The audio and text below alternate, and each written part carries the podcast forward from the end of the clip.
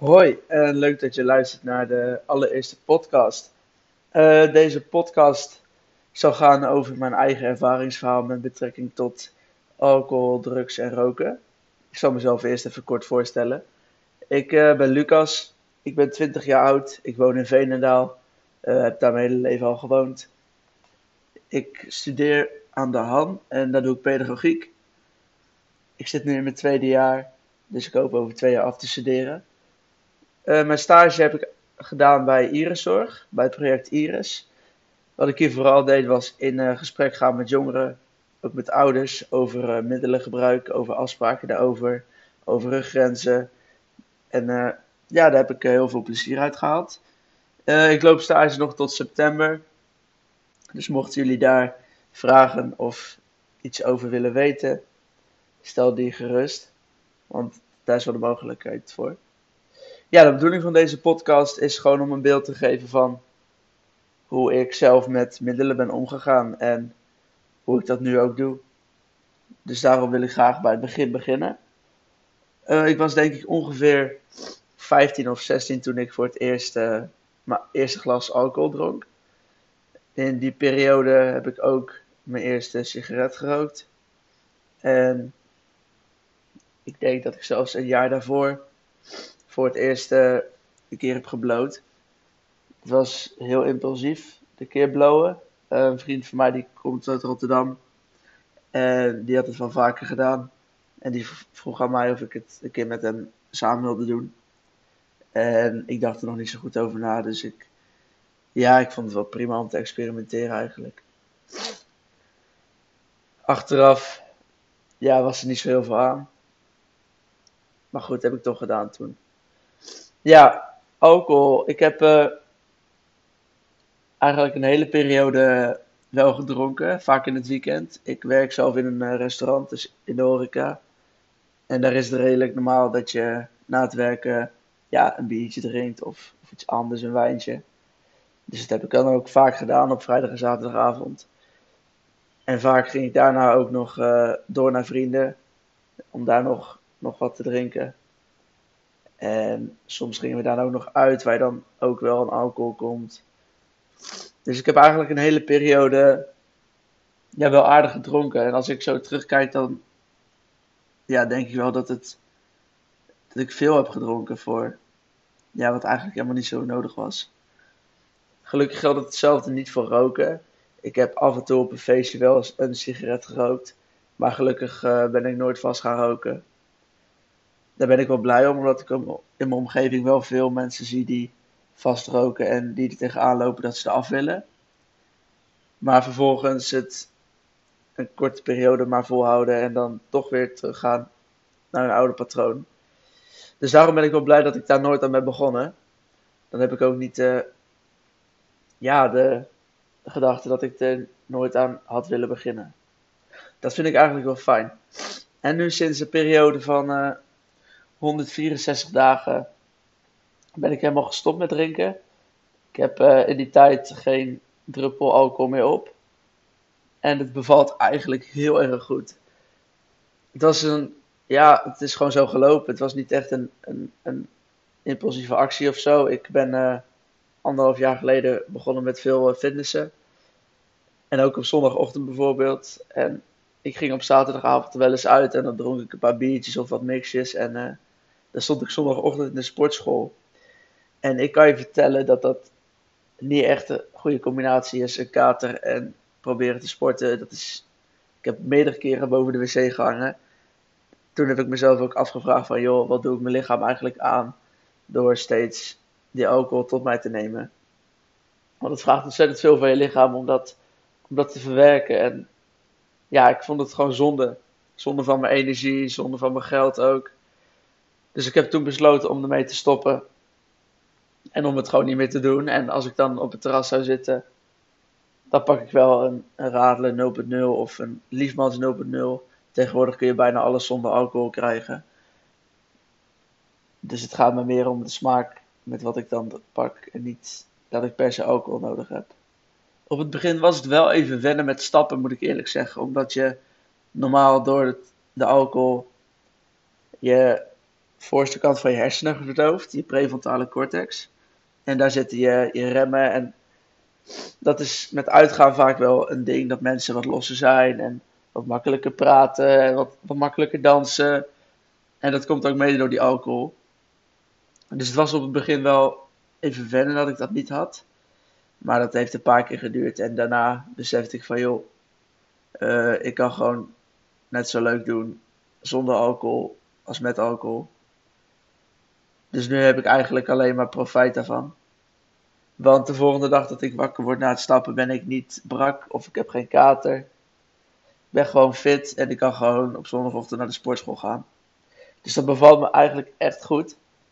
En daarom krijg ik ook vraag, ik krijg heel vaak de vraag van joh, wil je dan nooit meer drinken? Of, of, of is het maar voor tijdelijk? Of ja, ik denk dat ik uh, wel met zekerheid kan zeggen dat het zo goed bevalt dat ik het ook gewoon wil laten voor het is het drinken. Zoals ik net zeg, de dingen die ik echt lekker vind, die kan ik ook zonder alcohol drinken. Dus dat doe ik veel liever dan dat ik uh, dan met alcohol drink. Ook omdat ik uh, net een nieuwe auto heb gekocht en eigenlijk hem overal wel uh, ja, gebruik. Dus als ik naar het terrasje ga ergens, dan pak ik de auto. En je weet wat de afspraak is. 100% Bob is 0% op. En ook echt 0%. Dus daarom heb ik ook die keus gemaakt. Van joh, ik uh, wil voor altijd de Bob zijn. Uh, ik wil iedereen ophalen en thuis brengen. En dat was eigenlijk wel fijn. Ook voor, de, ook voor mijn vrienden. Mijn vrienden was wel op het begin een dingetje. Want het was. Ja, ze hebben het lastig gevonden dat ik niet meer dronk. En het is toch wel een, een apart beeld waar ik achter ben gekomen dat tegenwoordig het raar is wanneer een jongere niet drinkt. Dat, dat je dan heel raar aangekeken wordt of dat je jezelf moet verantwoorden ook vooral. En dat vond ik eigenlijk wel een aparte gewaarwording, omdat het ten eerste mijn eigen keuze is of ik wel of niet zou drinken. En ten tweede, waarom zou je per se moeten drinken? En dat is iets wat ik eigenlijk nog steeds niet zo heel goed begrijp. Maar gelukkig, tegenwoordig uh, hebben mijn vrienden het ook gewoon geaccepteerd. En krijg ik geen rare scheve gezichten meer als ik een keer een biertje oversla of zo. En daarin neem ik ook de keuze om mezelf niet te hoeven verantwoorden. En leg ik de vraag altijd eigenlijk terug aan die ander van, joh, waarom drink jij wel dan? En de antwoorden lopen altijd heel erg uiteen.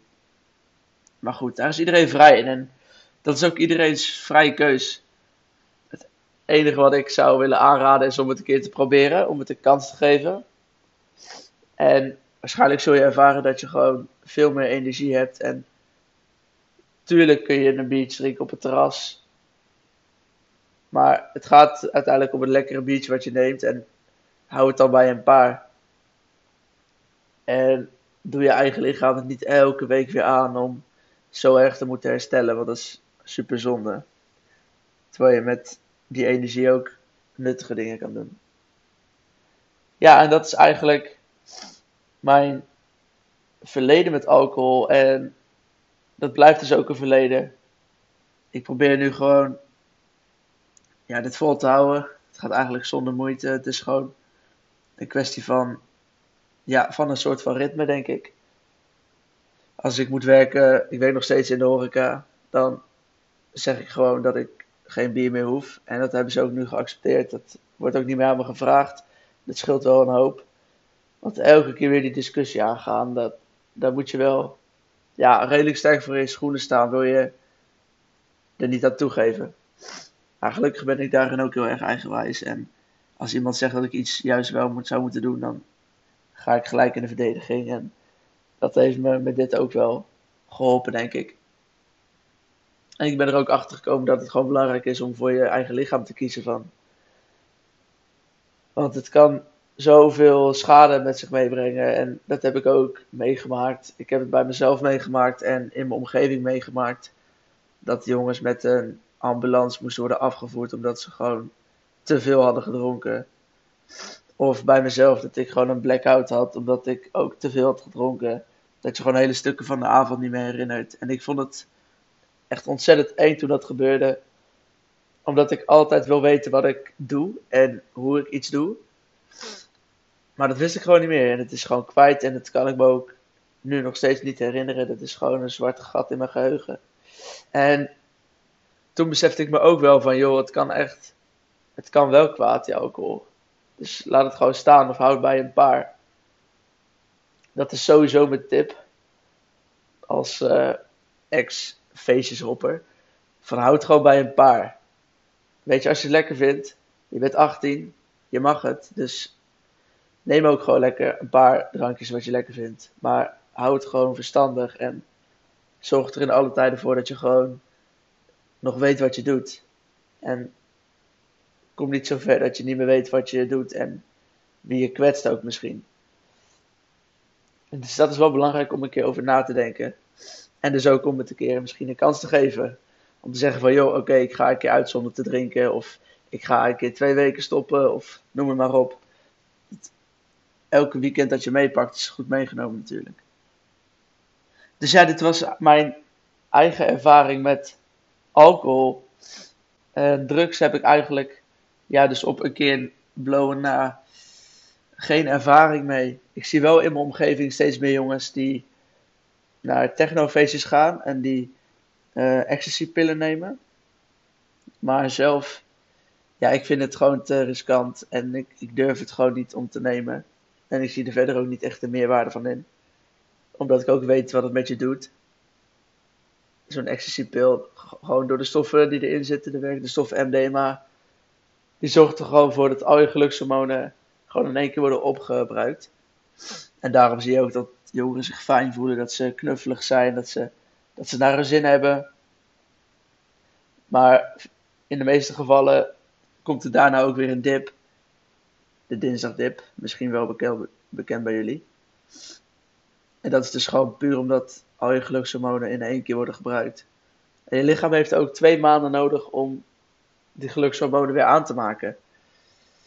Dus blijf je binnen die twee maanden gebruiken, dan geef je je lichaam ook niet de kans om dat, om dat weer opnieuw aan te maken. En kun je ook je een langere tijd slecht gaan voelen. Dus daarin heb ik ook die keuze gemaakt om dat gewoon links te laten liggen.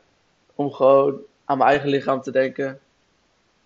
En om ja, meer met de focus op sporten dan op het gebruiken van drugs, alcohol en roken. Ja, dat is eigenlijk hoe ik er naar kijk. En mochten daar vragen over zijn, of wil je even sparren, of heb je vragen over een van de middelen, dan mag je die gerust stellen. Daar ben ik ook voor. Ik ben een stagiair, dus ik wil ook graag dingen leren. Misschien leer ik van jullie ook nieuwe dingen.